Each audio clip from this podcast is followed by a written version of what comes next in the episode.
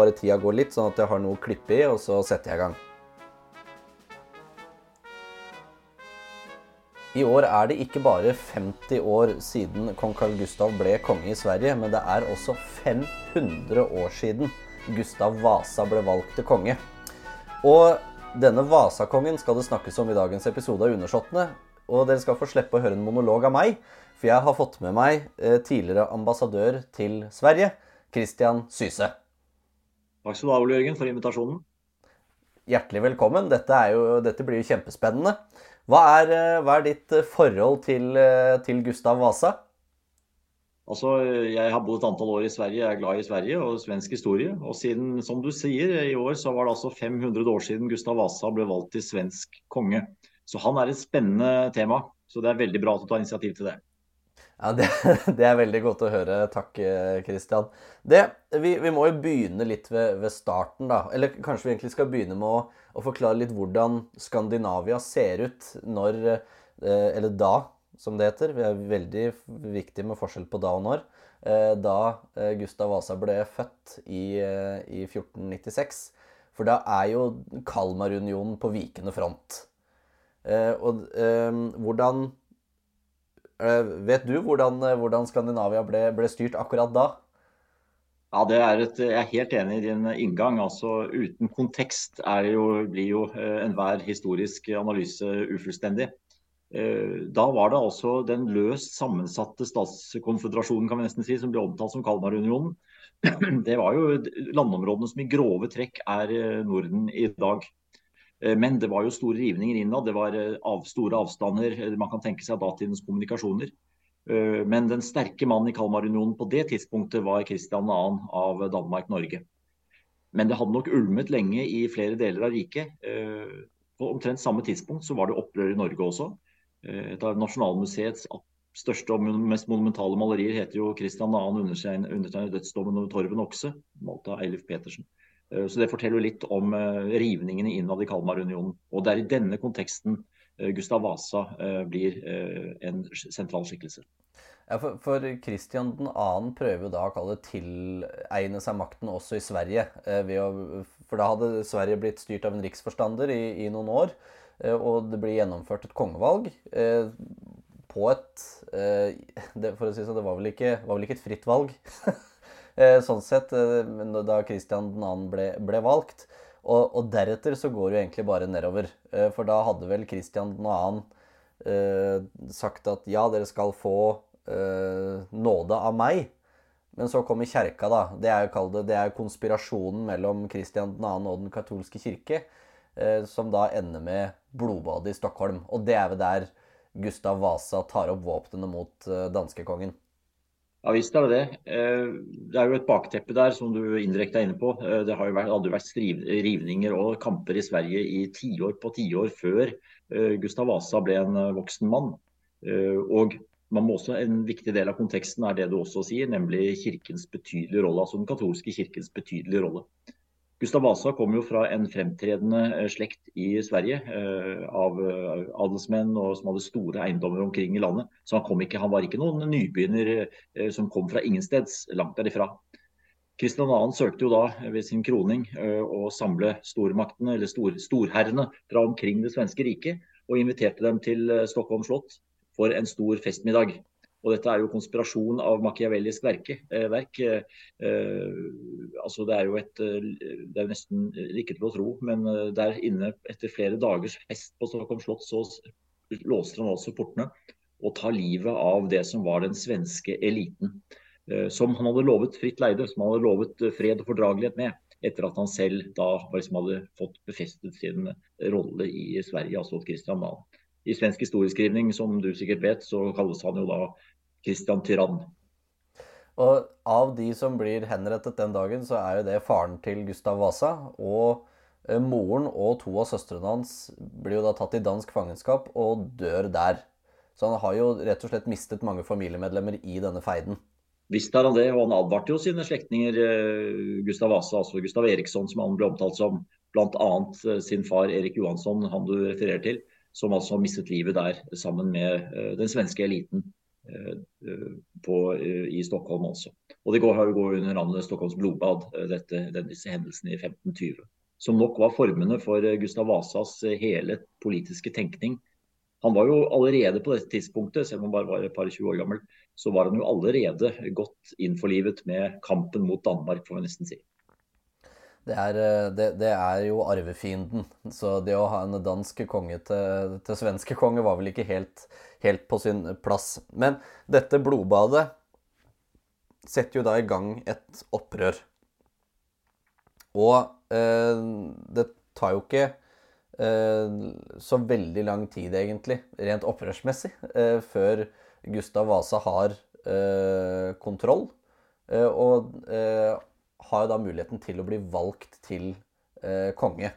Og nå husker jeg ikke akkurat hvor den utropningen skjer. Eh, jeg vet at Gustav, Carl Gustav besøkte stedet nå i år, på, på 500-årsjubileet. Men eh, det er jo da 6. juni som eh, Gustav Vasa blir, eh, blir valgt eh, til konge. Men Gustav Vasa som konge var vel ikke så veldig ulik Kristian 2.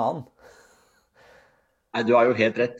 Vi må ta et bitte lite skritt tilbake. For det gjør seg jo ikke enkelt selv eh, å bli eh, enekonge i, i Sverige. Eh, men altså, den regjerende adelen i Sverige var jo i mangt utslettet pga. Stockholms blodbad. Det var de helt sentrale personene som var borte. Gustav Vasa, det er mye å si om han. Jeg er helt enig. Han var en tyrann helt på høyde med Kristian 2. han. Men han var også en politisk slu person. Reiste omkring i riket. Og husk hvordan riket så ut den gangen. Altså Dagens Finland var jo eh, en sentral del av riket f.eks. Eh, mens en del av de tingene som senere har kommet til i Sverige, det var fortsatt Danmark-Norge. og slik. Vel, i hvert fall, Han var en dyktig person. Ble ut, utpekt da først i 1521 som det som ble kalt riksforstander. Og samlet rundt seg da eh, sterke tropper omkring i landet. Fikk, ikke minst fikk han hjelp av Hansabyen Lübeck, som finansierte hans fremdrift mot makten. Og så kommer altså da kongevalget i Strengnes, som i dag er en, et bispesete i Sverige også. Men iallfall, eh, det, og det var 6.6.1523, altså 500 år siden i år. Og Derfor feirer man jo da 6.6 som Sveriges nasjonaldag. Og skal det jo sies at, eh, at eh, Gustav fikk litt hjelp av danskene, da, som kasta Kristian 2. som konge der òg. Det var ikke bare i Sverige han var tyrannisk. Overhodet ikke. Disse var jo barna sin samtid. Eh, det var jo ikke tilfeldig at disse var samtidige med den italienske tenkeren Machiavelli. Eh, men Gustav Vasa var jo også samtidig med en annen av Europas ledende personer på dette tidspunktet, nemlig Martin Luther. Eh, Gustav Vasa ble, altså Det er veldig interessant og vanskelig på et vis å vurdere Gustav Vasa, fordi kildene om ham er er jo da i og for seg mange, men mange av dem er jo skrevet i datiden som bestillingsverker. Og den eh, mest interessante og omtalte er noe som heter Peder Svarts krønike. Men Peder Svart eh, han ble instruert av Gustav Vasa hva som skulle stå i denne. Eh, under liksom den store nasjonsbyggingstiden på slutten av 1800-tallet, så kunne jo enhver svensk skoleungdom kunne sitere fra Gustav Vasas eventyr i Dalarna og hans fantastiske bavader omkring i landet. Det meste av dette var antagelig oppspinn, men fantastisk morsomt og interessant oppspinn som bygget opp under eh, Gustav Vasa som den store eh, bygger av enhetsstaten Sverige. Og Det er vel da kanskje sett i ettertid to særlige elementer som gjør Gustav Vasa spesielt interessant. Og Det ene er at han faktisk klarte å skape en enhetlig stat der det slett ikke hadde vært det, i, av det som da var eh, Sverige. Og det andre altså da innføringen av lutherdommen, eller protestantismen. Eh, det ble sagt eh, at Gustav Vasa var en from og hellig mann. Ja, mulig det. Eh, men opp, særskilt opptatt av Martin Luther er jeg ikke sikker på om han var. Og det var iallfall ingen i Sverige som var opptatt av Martin Luther. Men dette sikret jo da nasjonal, statlig, kronens kontroll over kirkens gigantiske gods. Det var en kjerne for Gustav Vasa. Ja, for, for, Gustav Vasa reverserer vel flere av eh, disse gavene som den katolske kirke hadde fått av eh, både adelsmenn og andre, andre rike i, i, Sverige på den tid at det var vel all jord som var gitt til kirken etter 1454, kunne tas tilbake av familiemedlemmer. Om det var Det kan jo også ha vært for å bygge opp den adelen som hadde blitt borte med, med Kristian 2., og for å svekke kirken, da. Så jeg tror, tror, vel da at Gustav Vasa kom jo fra en adelsfamilie som hadde gitt bort masse jord. Så ved den lovendringen, da, eller dette dekretet, så fikk jo også Gustav kontroll over 3000 gårder til. Og han endret, endret også eh, noe lovgivning, sånn at det som hadde blitt omtalt som liksom den eh, frie marka i Sverige, der hvor eh, alle egentlig kunne ta av både skau og vilt, faller under kongens domene. Så han blir jo rett og slett den største jordeieren i hele Sverige, og dermed den rikeste personen i Sverige, da. Nettopp. Og det er akkurat det du omtaler der som gjør at uh, vurderingen av Gustav Vasa går litt i ulike retninger han var, ja visst, dette bidro da til den enhetlige statsstyringen i Sverige. Et, eh, han oppbygget f.eks. opp et embetsverk som var nytt rundt kongen, eh, altså en statsbygger. Eh, og Derfor feirer man jo Gustav Vasa i år som den store nasjonsbygger i Sverige, som på et vis skapte det som man kan kunne kalle det moderne Sverige. Men metodene han brukte, de ville jo neppe stått seg i et demokratisk, en demokratisk samtid i dag. Eh, og kjernen i det hele var jo en type kontroll over eiendommer. De som er mer kritiske til Gustav Vasa, vil kanskje si at eh, det var ikke bare staten Sverige han styrket, men også sin egen personlige rikdom. Altså en griskhet eh, som samlet, savnet sidestykke. Men det er, jo, det er jo også en diskusjon da hvor, eh, hvis en ser tilbake igjen på, på disse kongene fra, fra 14-, 15- og 1600-tallet sånn, hvor, hvor, nasjonalister var de egentlig, f.eks.? At Handlet det om å styrke seg selv og familien, eller handlet det om å styrke nasjonen? Og nasjonen eksisterer jo ikke som, som tanke. på en måte, det er, det, er, det er bare et folk, og folk blir styrt av en konge. Eh, om den kongen er eh, sørtysk eller nordtysk har jo ikke noe å si, men i dette tilfellet så er det jo da en svenske da, som regjerer i, i Sverige. Eh, og han, han, blir jo kronet. Han er jo konge, selvfølgelig, men det tar jo noen år fra kongevalget og til, til kroningen. Så han blir vel kronet da i den 28. januar eh, 1528. Og det er vel rikssverdet hans finnes vel fortsatt? Ja, det gjør det vel. Og eh, som du sier, så ble han da kronet etter noen år eh, ved, ved, makten. Men på det tidspunktet hadde han nok samlet rundt seg det som man i dag, eller som den gang da var, eh, var, var, var Sverige. Så det var jo en, en statsbygger han var.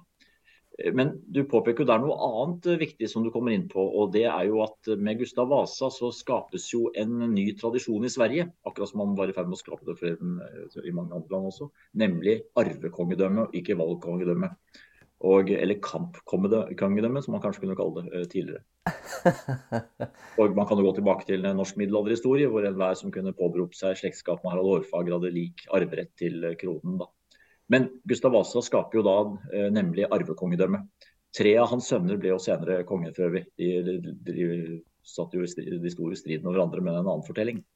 Men arvekongedømme er jo også en varig arv etter Gustav Vasa, og en av grunnene til at han ses på som eh, Sveriges eh, store statsbygger.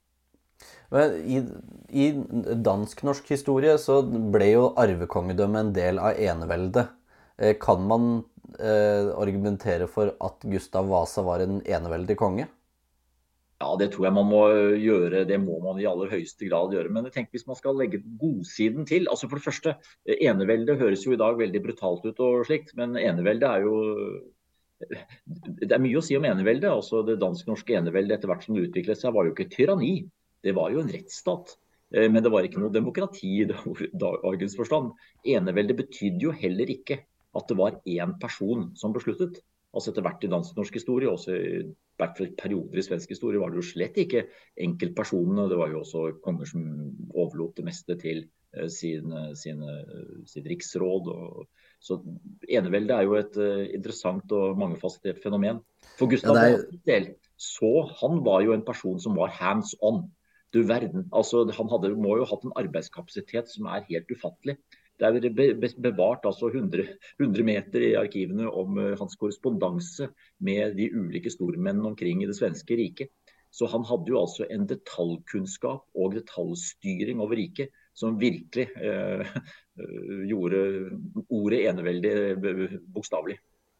Ja, det, det eneveldet er jo mer det at maktens kjerne ligger hos kongen. Og på en måte det, det, det kan jo gjerne bruke eksempelet solkongen i Frankrike. da, At han er på en måte solen, og så er, stråler du ut makt til de som, de som regjerer eller styrer da, under, under kongen.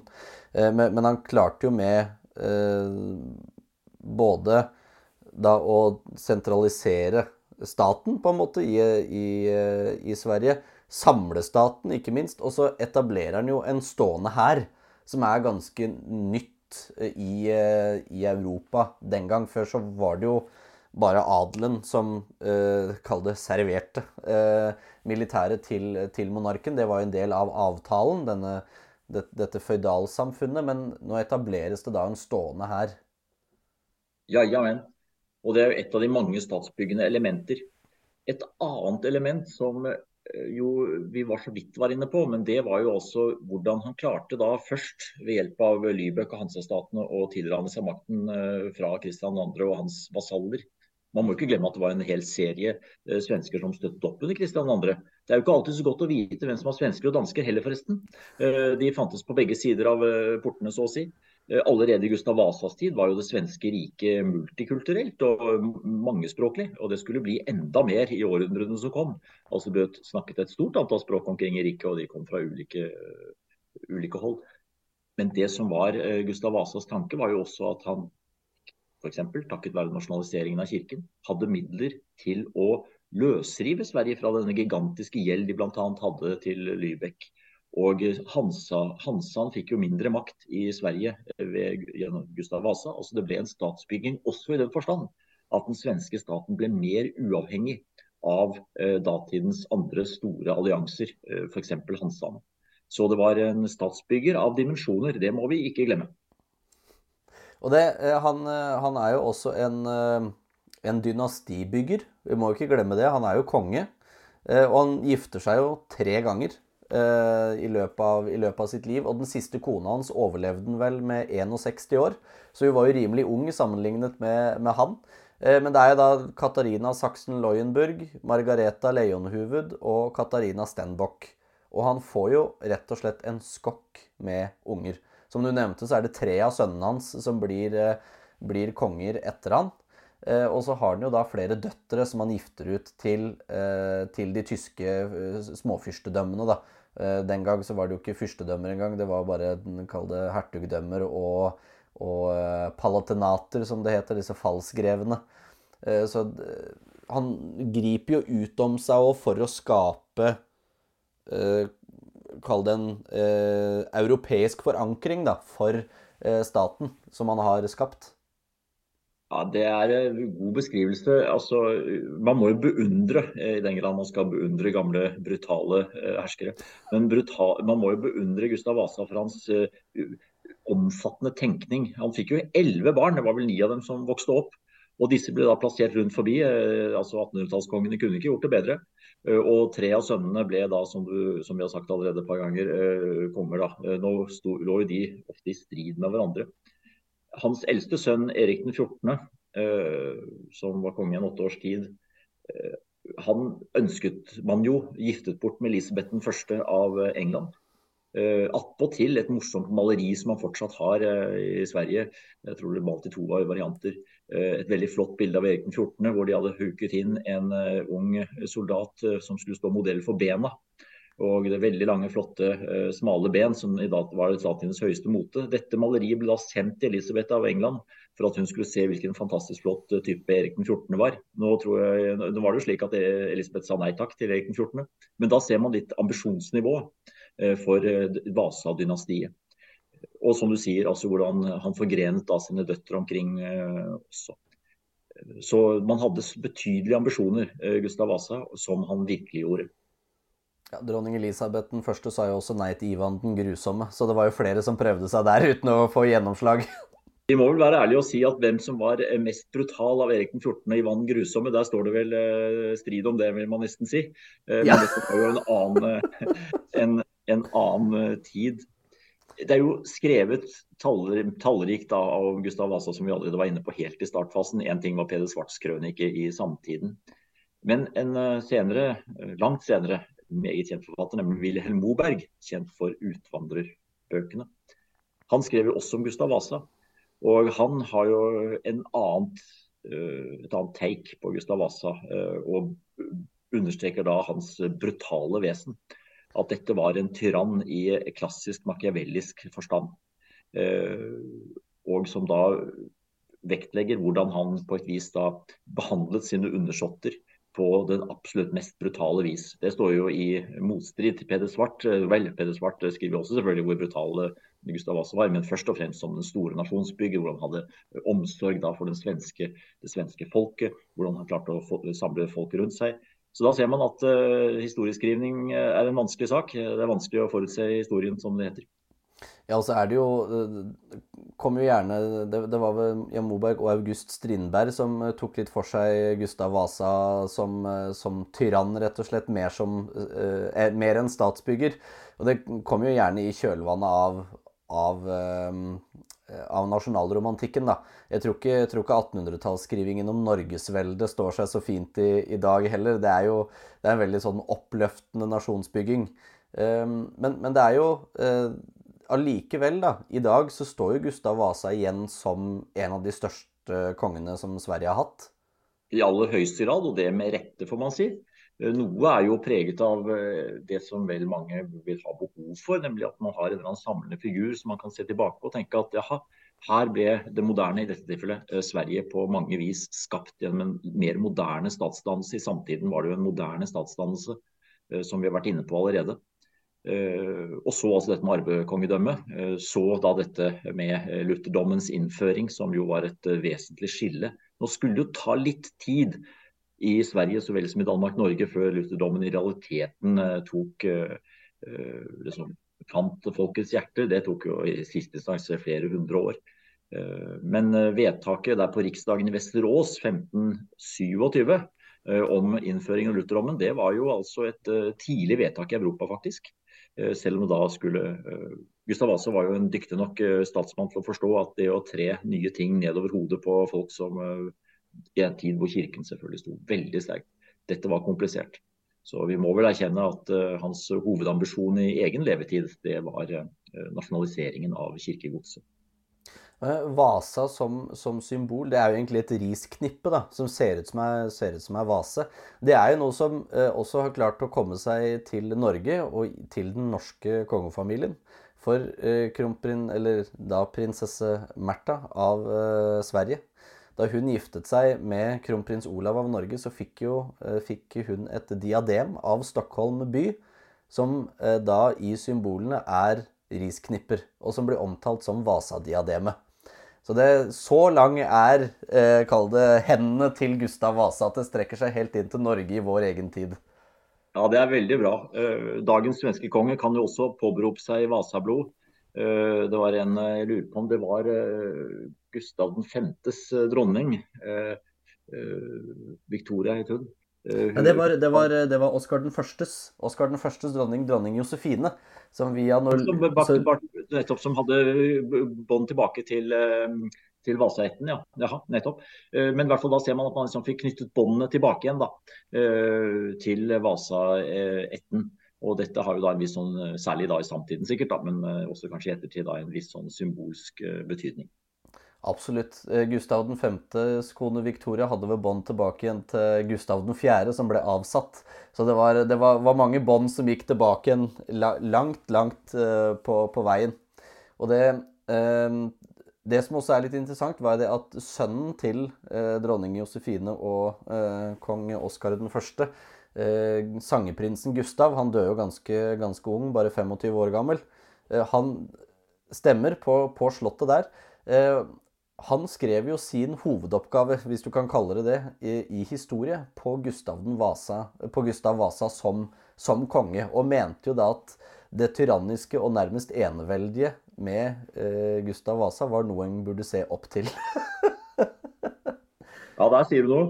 Eh, vi må vel da i, i sannhetens navn kanskje gjenta det som vi var så vidt var inne på. Eh, det er ikke, altså, Gustav Vasa var, som vi alle er, eh, sønn eh, av sin tid. Og han var ikke nødvendigvis noe mer brutal enn sine samtidige fyrstemotparter. Kristian 2. da som et særskilt relevant eksempel, men også andre steder i Europa. Så det må vi jo huske på det er jo andre bånd til dagen i dag også. Det er jo mange nordmenn som har gått Vasaloppet på ski f.eks. Eh, det skal jo da angivelig være fra nettopp Gustav Vasas bravader i Dalarne. Altså dette landskapet eh, som på et vis har den samme statusen i svensk historie som Telemark har i Norge.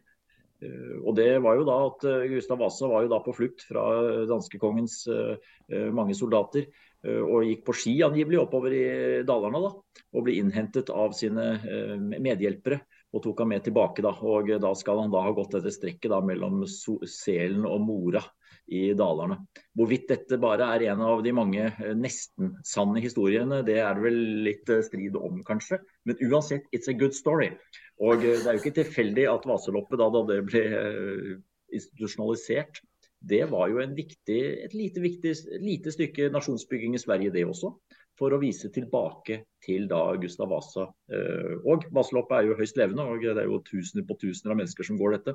Hvorvidt eh, alle de oss herunder nordmennene som går Vaseloppet tenker på at dette er eh, Gustav Vasas arv på et vis, det er jo et annet spørsmål. Ja, Det er vel det samme som Birkebeinerløpet. Det er ikke alle som er klar over historien der.